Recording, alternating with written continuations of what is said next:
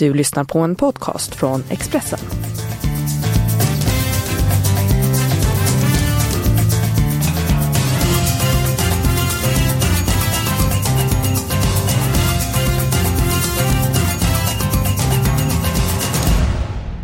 Veckorna går snabbt. Eh, vi är snart inne i februari. Det är inte dubbelt upp för 13 på Stryktipset den här helgen. Det är en blandad kupong av FA-cupen och The Championship. Självklart eh, ska vi presentera våra drag, våra spikförslag, halvgarderingar och så vidare. Men vi börjar med Leeds. Det var en stor snackis i England i förra veckan. Du får utveckla Magnus. Ja framförallt var det ju eh, Marcello Bielsa, deras deras fantastiska och unika tränare som ju hade det, det kröp ju fram att han har haft spioner på Darbys träning och eh, en av hans spioner blir ju ertappad där. Och, eh, och sen kallar han till presskonferens och talar om att han har haft spioner på eh, alla motståndares eh, eh, inför varje match, eh, deras träningar. Så att han har haft mest möjlig information. Men är det inte rätt smart av eh, Bielsa eh, att specialstudera motståndet eh, hur de ska agera med tanke på att vet du hur motståndaren spelar och vilka grejer de nöter på med fast situation och så vidare. Är det inte väldigt smart av Bielsa att göra detta? Ja, tveklöst. Det är ju en, det är en mycket, mycket viktig insidesinformation kan man säga som, som han då får och är ju mycket vanligt i de länderna där, där han har varit, eh, varit aktiv, nämligen i, i Sydamerika, i Spanien, i Frankrike sker det ganska ofta. I England har man inte alls den traditionen och det är liksom kutym i England att man inte gör så men det, det hade liksom inte eh, Bielsa haft några tankar på. Nej. Eh, hur har det mottagits då det här och varför har han gjort detta för att kartlägga motståndaren? Ja till att börja med så har han gjort det för att alltså alltså Leeds de agerar ju utifrån hur motståndaren ställer upp. Har motståndaren två forwards så rullar de på tre eh, mittbackar. Har motståndaren en forward så nöjer han sig med två mittbackar. Han sätter alltså sin formation utifrån motståndarens eh, uppställning. Så den här informationen är vital för Bielsa eh, för att han ska kunna göra rätt val. Och det, och det, är klart att man ofta kan göra rätt val utifrån de senaste matcherna men för att försäkra sig om att göra rätt så har han då haft spioner på träning. Så att eh, han är helt enkelt extremt, eh, extremt eh, noga eh, med det han gör. Så att det är därför han har gjort det. Men du säger att, i England gör man inte så. Eh, det är ingen annan tränare som gjort så att de har haft en spion på träningen alltså? Ja det har säkert skett men eh, det är liksom, det hör till sportsmanship. I England är det, har man de värderingarna att det är liksom underförstått och mellan raderna så gör man inte, gör man inte så. Sen är det så att Leeds supportrar de har ju hyllat Bielsa för detta. De tycker ju det är fantastiskt att han tar till alla alla möjliga liksom eh, sätt för att, för att ge Leeds eh, framgång. Medan det då givetvis då i andra alla andra städer och, så, eh, och klubbar så tycker man, fördömer man detta. Ja, hur kommer det bli nu? Kommer han få någon... Eh, blir det någon påföljd för att han haft spioner och studerat motståndet? Ja, det, jag är inte helt säker men jag, jag, tror inte det utan det är ju inte Det är ju inte förbjudet utan det är väl mer en oskriven lag att man inte gör så. Så att jag tror inte det blir några, några större konsekvenser av det här. Kanske att han, Just... kanske att han slutar med det eftersom det på något sätt inte tillhör kulturen i England. Ja, du sa att man gör inte så i England, eh, man gör det i andra länder. Eh, hur ofta har du haft en eh, spion iväg och studerat kommande motstånd?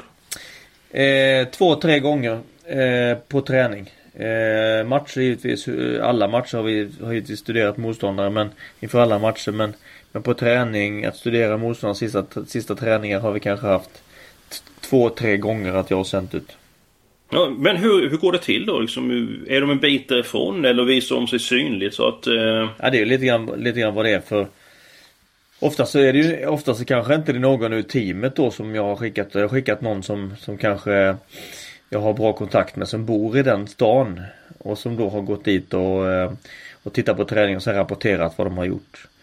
Eh, så att det har väl varit det bästa. Tar ju någon från mitt eget team då blir det väldigt uppenbart att vi är där och tittar. Så att eh, det är väl så jag har gått till, till väga. Men, men man får tänka att jag har coachat eh, 400 allsvenska matcher närmare 100 matcher i tippeligan i Norge. Plus massa matcher i Europa. Och jag har använt det här kanske två, tre gånger så det har ju varit, det har ju varit väldigt lite men Men absolut, vi har provat och någon gång har det varit värdefullt och någon gång har det inte gett någonting. Ja men eh, du sa att det varit värdefullt någon gång och inte givit dig någonting för att den gången du inte gav någonting så kanske du ändå visste hur de skulle spela men den gången var värdefullt Vann ni matchen tack vare infon fick från den här spionen? Ja, det vet man ju inte. Man vet ju inte att, att det var det som avgjorde matchen. Det är, det är omöjligt. Det är liksom en hypotetisk fråga.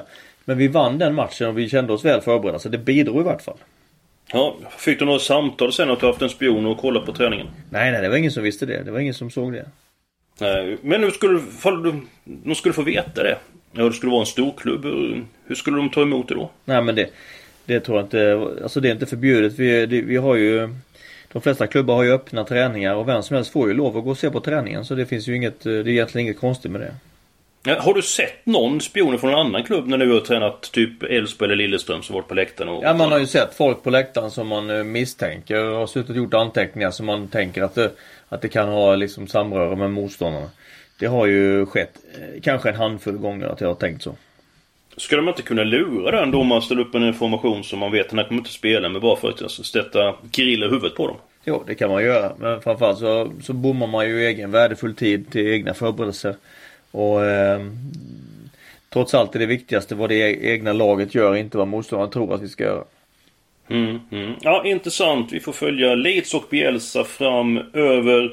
Nu möter man Rotterdam borta. Tror du han har haft en spion på Rotterdams träningar, Magnus? Nej, jag tror inte det. Eh, för att eh, just med tanke på det uppståndelse som det blev. Så, så det, det, tror jag inte. Däremot så tror jag att han är extremt förberedd i alla fall. Eh, och, eh, och att det är tillräckligt för att de ska vinna den här matchen. För det, nu börjar det ihop sig. Nu, måste, nu behöver man en ny trepoängare. Mm. Ja, men jag håller med dig. Kollar på Rotham så är merparten av pengarna tagna på hemmaplan. Man har förlorat mot City med 7-0, mot eh, Jumbon Ipswich med 1-0, 2-4 mot Brentford i helgen. Leeds är på väg att få tillbaka flera spelare. Man kommer att vara bättre rustat om ett par veckor. Pontus Jansson är avstängd, blev utvisad mot Stoke eh, senast. Jag tror väldigt mycket på Leeds. Eh, jag rekommenderar Spik. Är vi eniga? Ja, men det är vi eniga om. Bra där och match nummer ett, Manchester City mot Burnley. FA-cupen. City vann med 5-0 över Burnley i kuppen. Nej, förlåt mig, i ligan. Burnley obesegrat eh, efter nio år, men jag ska det knappast borta mot Manchester City. Sen så går vi till match nummer eh, 7. Den som går tillbaka 25-30 eh, år tiden. Wimbledon, West Ham. Eh, nu Wimbledon eh, jumbo i League One. Eh, West Ham har en del eh, skador. Ska ändå vinna den här matchen väldigt väl. Eh, när vi växte upp så... Ja, Wimbledon blev ett kultlag på 80 och 90-talet, Magnus. Ja, det blev det ju med sin eh, med Plough Lane i London som sin hemmaarena och eh, Dave Bassett som, eh, som, som manager för det här laget som, eh, som kommer att kallas för The Crazy Gang. Ja, och eh, framförallt var det en som var mer crazy än alla andra. Det var Winnie Jones. 12 stycken röda kort i karriären. Eh, vad minns du av Winnie Jones? Ja, det var ju en... Eh, han skydde ju absolut inga medel för att... För att försöka vinna fotbollsmatcher. Du sa att han hade 12 röda kort. Hade det varit dagens bedömning som är liksom tuffare och om vi förespråkar en renare fotboll idag så hade han säkert åkt ut en 30-40 gånger Eh, i sin karriär. Det var ett lag som byggde sitt spel på lång, lång utspark från målvakt, skapa en duell utanför motståndarens straffområde och sen med konstens alla medel försöka få in bollen i motståndarens straffområde och sen ta riktigt rejäla dueller där inne. Det var liksom hela hela grejen. Man hade framgång med detta och som du sa, det var Vinnie Jones, det var John Fashionow, det var Dennis Wise, eh, för att nämna några som var förgrundsfigurerna i det här galna laget. Jag, jag känner en, eh, en person som faktiskt en kort period spelade i det här laget. Var det Håkan Mild eller? Nej. Ja, Nej. ja. Var Håkan i Wimbledon? Kommer jag inte minst. Jo det var han. Han var där ett tag där. Ja, Men eh, vem var du syftar på? Den känner jag också. Jag syftar på Ståle Solbacken.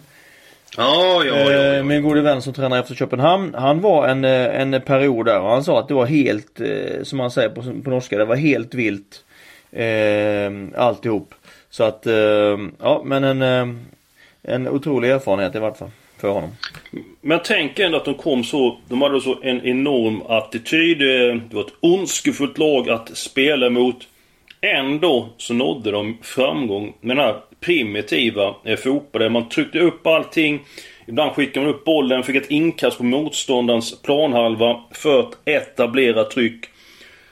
Hur hade Wimbledon klarat sig i dagens eh, fotboll? De har stått sig ganska slätt. Planerna är mycket bättre. Alla är te tekniskt bättre, bättre rustade. Så att eh, de hade fått det väldigt, väldigt eh, jobbigt. Man hade inte eh, hängt kvar i, eh, man hade inte klarat sig i Premier League överhuvudtaget. Det är min övertygelse.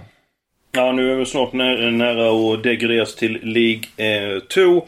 Eh, eh, ni som inte känner till Winnie Jones eh, kan gå in och söka på Google och så kan ni se eh, alla hans vansinniga tacklingar. Han har slagit Anders Limpar i bakhuvudet. Eh, han drog på sig gult kort efter fyra minuter. Han kapade Peter Reed direkt efter avspark. Och sen hade de här röda korten så skamgreppet på Paul Gascoigne. Så att det finns hur mycket som helst att söka på när man går på eh, Winnie Jones. Han blev ju faktiskt en rätt, eh, rätt bra skådespelare också. Han var med i ett par filmer. Eh, efter karriären. Så att eh, ja, han hade faktiskt eh, talanger även, även inom det området. Ja men han var ju ofta den här bad guy han behövde bara vara sig själv i filmerna så nådde han ju eh, framgång där så att eh, han spelade sig själv och eh, gjorde det med bravur. Vi går vidare i programmet. Eh, vi går på de eh, helgarderade matcherna. Ett annat gäng som lever på sin fighting spirit är Millwall spelar här mot Everton. Jag är lite grann tveksam till Evertons form. Vann utan att övertyga mot Bournemouth. Eh, Förlorade mot ett flitigt matchande Southampton i eh, helgen. Inte lika bra på främre mark som på hemmaplan. Millwall, de lever på sin hemmastyrka. Jag tycker vi tar alla tecken i den matchen. Match nummer 9, Aston Villa Ipswich. It's now or never för Ipswich. Eh, behöver verkligen poäng. Aston Villa, många bärande spelare på skadelistan. Har inte vunnit hemma på två månader. Jag tycker att den här ettan är en favorit till fara. Vi tar alla tecken i den matchen. Sen match nummer 12. Nottingham Wigan. Nu får Nottingham tillbaka ett par spelare. Formen är tveksam. Mållös i sju av de nio senaste matcherna. Wigan, jo, de är inte bra på bortaplan men den här matchen kommer rätt. Och du ville prata en hel del om Nottingham, Magnus. Ja men det, det vill jag ofta. Jag har liksom lite förkärlek för Nottingham utifrån att de var, när jag började bli intresserad av fotboll, så var de världens bästa lag världens bästa klubblag under Brian Clough. Och vad som är kul nu Eskil tycker jag är att Martin O'Neill som var en, mm. en, en, eh, som spelade på den tiden när Nottingham var världens bästa världens bästa lag. Så um, har nu, kommit, har nu kommit till klubben och, och, tagit över som manager och gjort en match. Förlust i och för sig men trots allt så är det en, det är en riktig, riktig legend som kommer tillbaka till Nottingham, till Nottingham Forest man har svårt att tänka sig idag med, med de lagen som är bland de bästa i världen idag. Nottingham Forest position att faktiskt Nottingham Forest var, var världens bästa klubblag. Det det, det, en provinsklubb i, i England kunde kunde nå den, eh, den positionen. Ganska fantastiskt under Brian Cloughs ledning. Du får berätta om framgångarna de hade då på den tiden. Vann ju Europacupen, eh, det vill säga det föregångaren till Champions League som var så eh, Mästarkuppen Cupen för, de, för mästarna, lagen i Europa. Och vann den turneringen 1979. Och då slog man ju i finalen Malmö FF. Också ganska fantastiskt. Det är som Malmö skulle spela en Champions League-final. Nu, det, det är inte, inte speciellt lätt. Vilken prestation det var. Och sen året, året efter, 1980, vann man också. Så två år i rad vann man Europacupen Nottingham Forest. Det är helt fantastiskt. Martin O'Neill och John Robertson, Trevor Frances, Viv Anderson, Peter Shilton, eh, Gary Birtles med flera var ju mm. de som var med. Ja, vilka spelare som du nämner, vilka legendarier. Nottingham har ett bra lag i. Jag har underpresterat de senaste två månaderna. Det är 39 poäng i The Championship. Eh, upp till kvalplats eh, så är det 7 poäng. Det är Derby som har 46 eh, poäng. Vad är det som talar för att Martin O'Neill får Nottingham på rätt köl igen då. De kommer få publiken med sig för han är extremt extremt omtyckt. Så de kommer få ett väldigt stöd och det är det betyder ju enormt mycket. När det funnits missnöje med den sista prestationen den sista tiden så kommer eh, Martin O'Neills eh, ankomst till klubben innebära en eh, energiboost för supporterna och det kommer smitta av sig till plan tveks, tveklöst. Eh, sen har man ju en, en, en riktig notorisk målskytt som du känner till lite extra eftersom han har spelat i ditt lag också Eskil. Ja, jag tror att du tänker på Lewis Grabbanson som Martin O'Neill. Han är faktiskt manager i eh, Sunderland och Lewis Grabban har ju den förmågan som många spelare vill ha, många avslutar vill ha, men som få besitter. Och det är att han är väldigt kall när han gör mål. Vad tycker du om den typen av, eller vad tycker du om Lewis Grabban som fotbollsspelare? Det är en otrolig sniper. Vilken eh, fantastisk målskytt. Han har alltså gjort på, på de eh, på de eh, sista, senaste 52 matcherna som han har startat har gjort 34 mål i The Championship. Ja det är ju helt fantastiskt. En annan, ett annat svårslaget rekord han har är att han har på de senaste nio säsongerna representerat nio olika klubbar. Men vad beror det på då? Att, om vi har den här att han är så notorisk målskytt. Men han stannar inte länge i klubbarna. Vad beror det på? Ja, två, två saker tror jag. Dels så tror jag att det är en liten orolig själ. Alltså han har svårt att identifiera sig helt med det stället han är på. Han vill hela tiden vidare. Och med det, med den eh, med det track recordet som han har med alla mål han gör så blir han ju rätt attraktiv. Så han får ju i varje transferfönster möjlighet att, att komma vidare. Och eh, så att det är väl kombinationen av det. Alltså, han har väl sällan liksom uppvisat något större hjärta kanske på det stället han har varit. Eh, och därför kanske aldrig gått riktigt in i, i supporternas eh, själ på något sätt. Utan han har varit en han har varit handelsresande i målskytte helt enkelt. Ja, en bra beskrivning. Eh, det finns en film som heter Sunderland till I Die. Har du sett den? Ja, det är den här Netflix-serien. Jag älskade mm. den. Jag tyckte den var Jag tyckte den var jättebra. Jag, jag tyckte väldigt synd om eh, Martin Bain. Den eh, mm. direktören i, i eh, Sunderland som hela tiden fick mindre och mindre pengar att röra sig med men ändå skulle försöka få upp ett lag som skulle som skulle hänga kvar i The Championship. Ja men det var otroligt intressant. Jag, den kan jag verkligen rekommendera tycker jag. Ja, alla fotbollsälskare bör se den filmen. Se den enorma kärleken som finns och till Sunderland i nordöstra England. Och Sunderland är ju mitt lag. Men jag rekommenderar verkligen varmt att se den matchen. Och Lewis Grabban, han öste in mål för Sunderland förra hösten. Eh, sen efter nyår, eh, då valde han att lämna klubben. Han blev ju intervjuad där lite grann varför han eh, lämnade Sunderland, Magnus. Ja, han tyckte väl att han eh, fick väl inte den uppskattningen och sen eh, kom Chris Coleman in som tränare i det, i det ehm, i den perioden och eh, bytte ut han två matcher och det, det fick han att tröttna och då ville han vidare.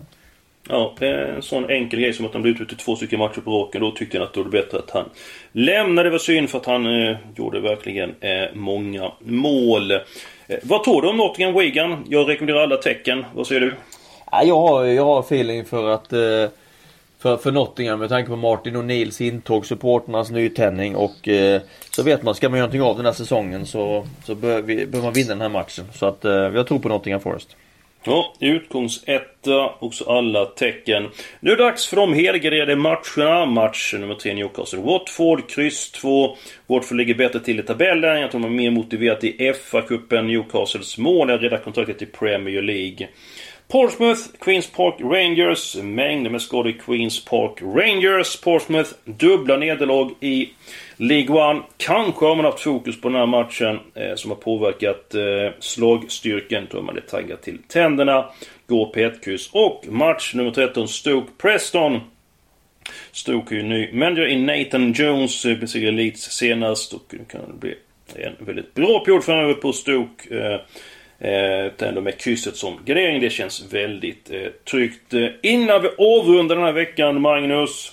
Jan Andersson, Sveriges förbundskapten, eh, har ju fått fart på landslaget. Eh, en väldigt populär ledare. Han fick ett nytt pris i veckan, berätta. Ja, han fick ju pris på Idrottsgalan som Årets ledare i svensk idrott. Och det är ett väldigt fint pris och också tycker jag det var jätteväl förtjänt till Janne.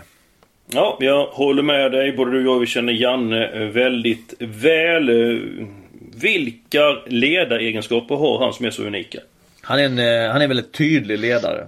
Vad som gäller eh, och vilka eh, ramar som vi håller oss inom. Eller gruppen ska hålla oss inom. Och sen så så är han väldigt bra på att delegera. Och han är dessutom har ett väldigt humant eh, ledarskap, bra på att se individen och det här är väldigt bra eh, grogrund för att det ska bli en, eh, en bra stämning i en grupp och det har de verkligen fått till i landslaget. Ja, och även om klubborna varit tidigare, bland annat då IFK Norrköping ledde ju det laget till eh, guld. Förhoppningsvis eh, blir våra tips guld den här veckan och om inte annat så hörs vi eh, kommande vecka.